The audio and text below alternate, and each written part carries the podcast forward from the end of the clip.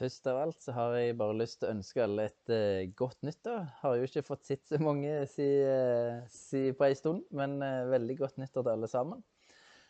Og kanskje har noen til med lagd seg noen nyttårsforsett. Det er jo ikke helt uh, uvanlig, det. Og det vanlige er vel kanskje mest en skal trene mer eller ete sunnere eller sånne ting. Og det er jo fine nyttårsforsett, det. Kanskje har du til med noen forsett i forhold til Gud. Hvis ikke, så hva med å ha det? Ha et forsett om å bruke mer tid med han, eller bli mer kjent med han. Jeg har bare lyst til å oppfordre til det. Eh, at det òg kan være noe i bevisstheten vår, at det ikke bare skal handle om kropp og helse, men òg livet med Gud. At det kan være en del av våre forsett.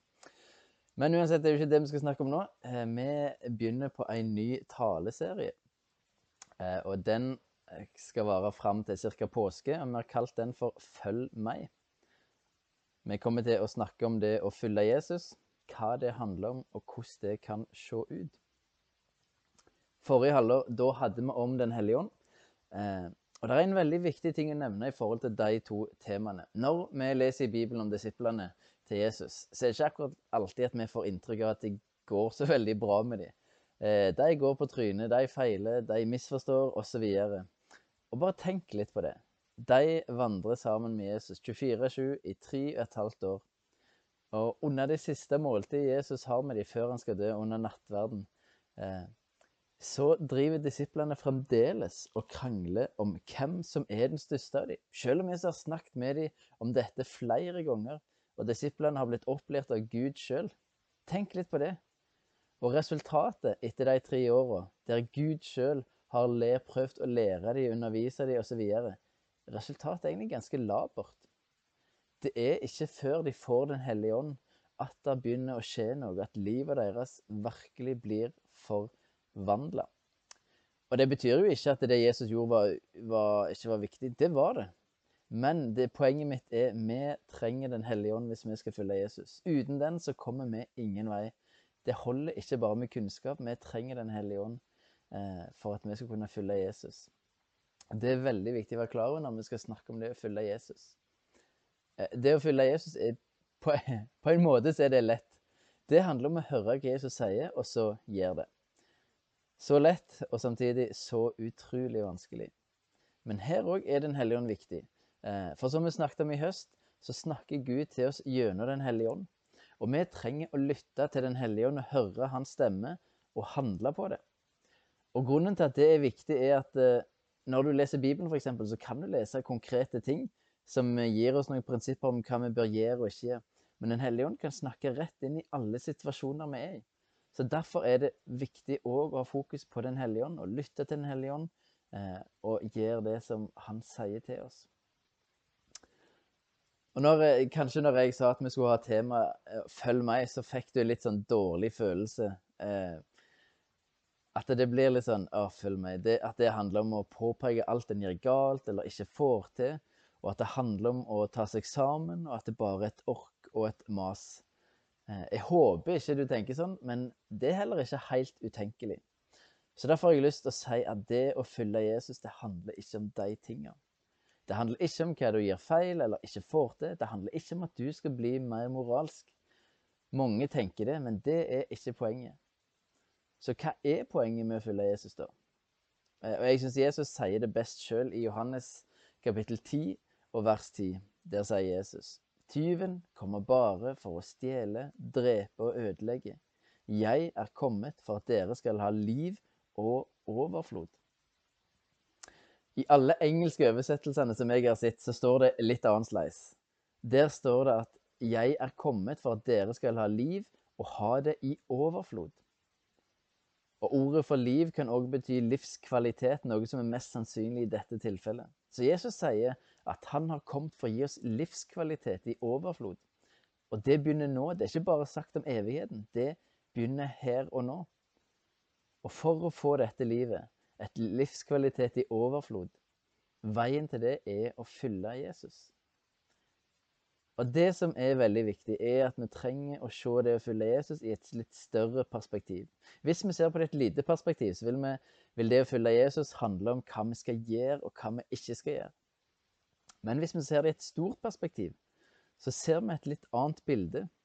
I 1. Peters brev, kapittel 2, og vers 9-10, så står det Men dere er en utvalgt slekt, et kongelig presteskap, et hellig folk, et folk som Gud har vunnet for at dere skal forkynne Hans storverk, Han som kalte dere fra mørket og inn i sitt underfulle lys. Dere som før ikke var et folk, er nå Guds folk. Dere som før ikke fant barmhjertighet, har nå funnet barmhjertighet. Det som skjer når et menneske kommer til å tro på Jesus, det er et paradigmeskifte. Da blir en Guds barn. En blir en del av Guds folk. Et folk som Gud har vunnet for at vi skal forkynne hans storverk. Det er grunnen til at vi følger Jesus. Vi har fått en ny identitet. Vi er sønner og døtre av Gud, eller kongelige, som det står i det vi leste her. Vi har gått fra å være en del av vårt rike til å bli en del av Guds rike. Vi har gått fra å tjene oss sjøl til å tjene Gud og mennesker. Det har skjedd et paradigmeskifte. Og Det er ikke sikkert du har forstått det helt, eller at, du vet det kanskje rent informativt uten at det har gått opp for hjertet ditt. Men dette er super, super viktig. I de kretser som jeg vokste opp i, så ble dette aldri snakket om. Eh, og frelse det var noe som handla om synd og nåde, og som ble holdt på det individuelle planet. Men det er ikke det Bibelen forteller oss. Og vi trenger å se eh, og forstå hva dette innebærer å være en kristen, hva det innebærer å følge Jesus. Så jeg håper du ser det store perspektivet, hva vi er en del av. Eh, og veldig mye av det handler om identitet. Det snakket vi òg litt om i høst i forhold til Den hellige ånd, at det er den som åpenbarer identiteten vår. Men dersom du ikke har en identitet som Guds barn, og ikke vet at Gud elsker deg ubetinget, eh, så kan det være knallhardt å følge Jesus. For da vil du oppleve det som krav, som noe du må eller bør gjøre for å være god nok for Gud. Men vi følger ikke Jesus for å bli frelst eller for å bli god nok. Vi gjør det fordi vi er frelst, fordi vi er gode nok gjennom Jesus, og fordi vi har blitt en del av Guds folk, og vi har blitt Guds barn, og vi tilhører Guds rike. Jeg håper du ser det paradigmeskiftet eh, som, som, har skjedd, eh, og at det er derfor vi følger Jesus. Vi, det har skjedd noe nytt med oss, noe helt, helt nytt. Og et ganske fundamentalt spørsmål som vi trenger å stille oss, er om vi tror på eller stoler på at Gud vil oss det beste. Tror du det? Tror du på dypet hjertet ditt, at, eller stoler du på dypet hjertet ditt, at Gud vil deg det beste? Hvis vi tror det, så betyr det at det å følge Jesus det er det beste vi kan gjøre. Det er det lureste vi kan gjøre, og det vil gi oss livskvalitet i overflod. Men hvis vi ikke tror at Gud vil oss det beste, så vil det å følge Jesus oppleves som et ork, som pest, som mas, som noe som vi ikke vil, men som vi bare føler vi må. Et byrde. Noe som Gud legger på oss for å plage oss. Derfor er dette et veldig viktig spørsmål å svare på, for det handler om hvordan ser vi på Gud? Og vi trenger, det er så viktig, vi trenger å ha et rett bilde av Gud. Og vi trenger å forstå og erfare at Gud vil oss kun det beste. Sjøl når vi ikke forstår hva Gud gjør. Sjøl når ting er vondt og vanskelig, og, og situasjonen vi er uforståelig, så vil Gud oss alltid det beste. Eller for å snu litt på det, for å stille spørsmålet på en litt annen måte, kanskje. Se for deg at alt på denne jorda, det er som nå. Jesus er den samme, alt er likt. Men det fins ingen himmel eller helvete. Hvis det var sånn, ville du da ha fulgt Jesus? Det, det er et kjempeviktig spørsmål. For det forteller deg om du tru, egentlig tror at Guds vei er den beste. Hvis svaret er nei på det spørsmålet, så betyr det at Jesus er et middel for å nå et mål. Det betyr at du er, ute etter, du er ikke ute etter Jesus sjøl, men hva han kan gi deg. Og det er da det skurrer. Det er det vi egentlig kaller for religion. Og du kan jo faktisk prøve Hvis du har en ektefelle, så kan du prøve å si det samme til ektefellen din. At du er ikke ute at du er kun ute Nei, du er ikke ute etter han eller hun, men du er ute etter hva han eller hun kan gi deg. Hvis du finner på å si det, så det kommer ikke til å gå bra. Det bør du ikke prøve. Du kan bare tenke tanken, så forstår du at OK, det funker ikke. Og da kan vi forstå at det funker ikke med Jesus heller, for det å tro på Jesus handler om en relasjon. Dette er et viktig spørsmål å stille seg. Om det ikke fantes en himmel eller helvete, ville du da fulgt Jesus? Vi trenger å forstå at Jesus vil oss det beste. Selv når han ber oss om utfordrende ting, så vil han oss det beste. og Vi trenger å stole på det for at vi skal følge Jesus og klare å finne den livs og få den livskvaliteten som han ønsker å gi oss. Et godt bilde, eller et godt bilde som jeg liker i hvert fall, på det å følge Jesus, det er et bilde av en som går på lina. Se for deg en person som går på lina. Eh, og de som går på lina, de har ofte en sånn balansestav. Og den kan være ganske lang, faktisk. Og det den balansestaven gjør, den hjelper rett og slett å holde balansen. Og når vi skal følge Jesus, så trenger vi en balansestav. Så se for deg en sånn balansestav. Den ene enden av den staven, den kan vi kalle for invitasjon eller intimitet. Og den andre enden, den heter utfordring. Og det handler om at Jesus, når vi ser på disiplene som Jesus hadde Jesus inviterer disiplene til å være med han. Han inviterer dem til intimitet. Og samtidig så utfordrer han dem noe helt enormt. Han sier sånn Elsk dine fiender. Som er utrolig vanskelig. Og Nå tenker du kanskje at du ikke har noen fiender, men bruk ordet mislike istedenfor. Elsk de du misliker. Så begynner vi å forstå at det er vanskelig. Så Jesus han inviterer disiplene til intimitet samtidig som han utfordrer deg. Og det som er greia, er at hvis vi har lite intimitet og lite utfordring, så blir den balansestaven ganske kort, og da hjelper han oss ikke i det å følge Jesus. Men til større grad av invitasjon og utfordring vi har, til større vil balansestaven bli, og til lettere vil det være å følge Jesus. Og det kan ikke bare være én av delene. Det kan ikke bare være intimitet og ingenting utfordring. Det er nødt til å være begge deler om dette skal funke. Så vi trenger å ta imot Jesus' sin invitasjon til intimitet, og vi trenger å ta imot utfordringene han gir oss. Det er det beste vi kan gjøre, selv om vi syns det er utvilsomt best å kun ta imot invitasjonen til intimitet og ha det fint med Jesus. Men skal vi følge han, skal, skal det livet funke og vi finner livskvaliteten, så trenger vi å ta imot både utfordring og invitasjon. Begge deler trenger vi. Og et litt annet spørsmål som er viktig å stille seg eh, når vi snakker om det å følge Jesus, er dette. Lengter du etter å komme nærmere Jesus, eller er du tilfreds? Tenker du at nå har du nok med Jesus?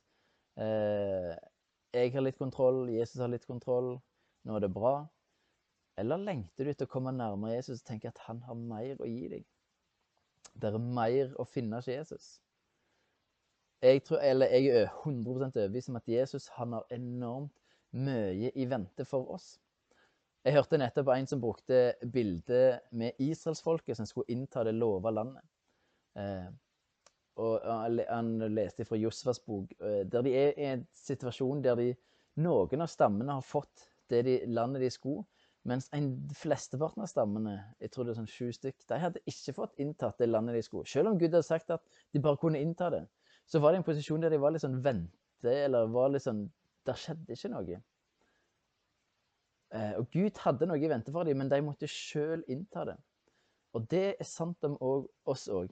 Eh, Gud har masse i vente for deg og for meg.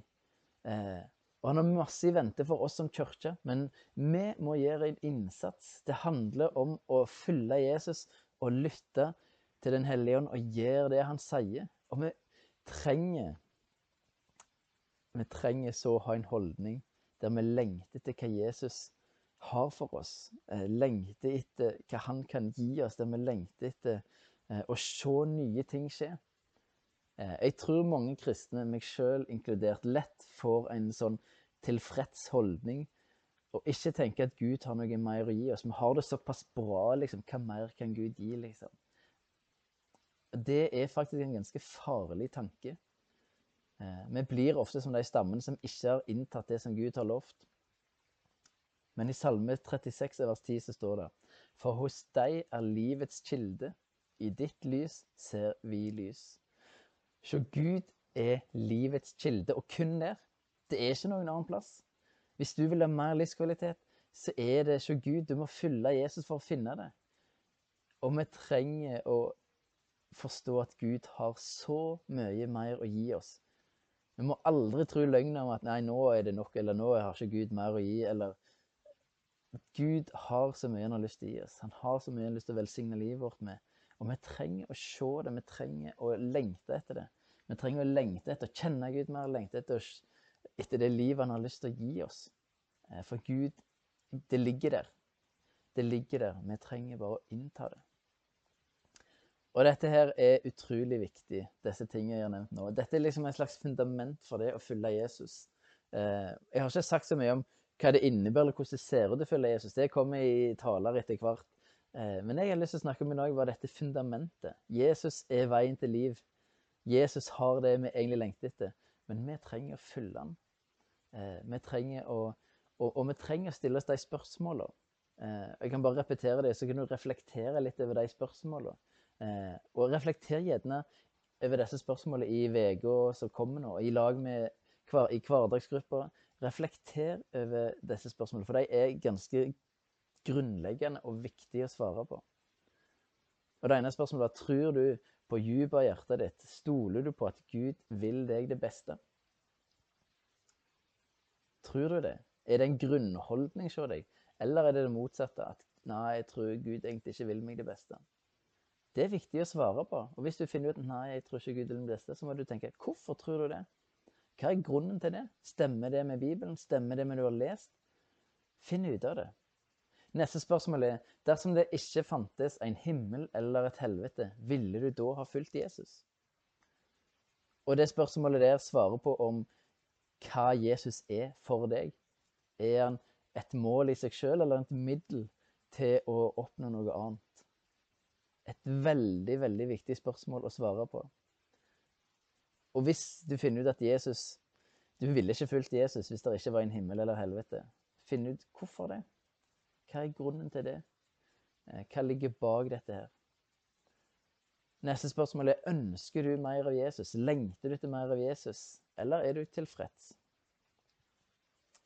Veldig viktig å svare på det spørsmålet òg. Eh, og hvis du er tilfreds, prøv å finne ut hvorfor er du tilfreds. Hvorfor tenker du at Gud ikke er mer å gi deg? Eh, hva, hva, ligger bak dette her, og hva kan du gjøre med det hvis du er tilfreds? Og siste spørsmål, det er nytt, men, men veldig, veldig viktig, og det er Ser du Guds godhet og nåde i det å følge Jesus? Ser du nåden som ligger der i å følge Jesus? At Gud At, at dette her er Dette er bra. Og sannsynligvis så har du opp gjennom historien sett eh, eksempler på dette. Et godt eksempel er dette med tilgivelse. Hvis du har bedt noen om tilgivelse, noe som er full av Jesus, det er en del av det som Jesus ber oss om å gjøre, så har du opplevd hvor bra og befriende det var sannsynligvis. Eh, så du har sannsynligvis opplevd det. Men ser du det i det, i det store det hele, ikke bare i enkeltperspektiv, men ser du, det, ser du Guds godhet og nåde i det å følge Jesus? Reflekter over de spørsmålene. Dette er fundamentale greier, men og derfor er det òg veldig, veldig viktig. Eh, så jeg bare eh, håper at du, at du, kjemper litt med disse spørsmålene. Eh, at du grunner litt på det. At du tar det med deg i hverdagen din. Og så tror jeg at det skal bli veldig spennende å høre om det å følge Jesus fram til påske. For jeg tror vi trenger å ha litt fokus på det nå etter vi har hatt Den hellige ånd. Og se hvordan ser dette livet her ut? Hvordan kan det se ut? Jeg har bare lyst å be ei bønn til slutt. Jesus, vi bare takker deg for at du vil oss det beste. Takker deg for at du ønsker å gi oss livskvalitet i overflod. Takker deg for at du Du er ikke en gnien Gud, men du ønsker å gi oss eh, Du ønsker å gi oss ting. Du ønsker å velsigne oss. Jeg bare ber om at du må hjelpe oss å innta det landet som ligger for oss, både individuelt og som kirke. Eh, jeg bare ber om at vi skal få oppleve mer og mer av deg, få se mer og mer av hvem du er, og få mer og mer av det livet som du har for oss. Og så ber jeg om at du skal ransake hjertene våre. Du ser de spørsmålene som er ganske ja, ganske ransakende spørsmål. Ber om at du skal bare opplyse innen vårt indre, at vi kan få se motivasjonen vår, få se eh, hva vi tenker om deg. Eh, bare åpenbar det for oss, Gud. Eh, og hjelp oss å dra oss inn til deg For se deg er livets kilde, Gud. Det er ingen annen plass. Det er du som har alt som vi lengter etter. Så jeg bare ber deg om at, eh, at, eh, du skal, at du skal bare være nær oss, at vi skal få lov til å se klart at det å følge deg, det er det beste vi kan gjøre. Og Jeg ber deg om at dette ikke skal oppleves som eh, noe som handler om å gi en dårlig samvittighet, eller som handler om å ikke være god nok, eller noe sånt. Men la oss forstå at det handler ikke om det, men det handler om, å, eh, om at vi er dine barn. Det handler om at vi har blitt en del av ditt rike. Det handler om noe mye større enn vi, om vi gjør noe som er rett eller galt. Hjelp oss å se det store bildet, Gud. Hjelp oss å se store perspektivet og fylle deg av de rette grunnene. Jeg bare ber deg eh, om at du skal være nær oss. Jeg ber deg for Ulsteinvik frikirke. Jeg bare ber deg om at vi skal få lov til å være i kirke som heter velsignelse for deg eh, som betyr en forskjell, og som gjør deg synlig i Ulsteinvik, Jesus.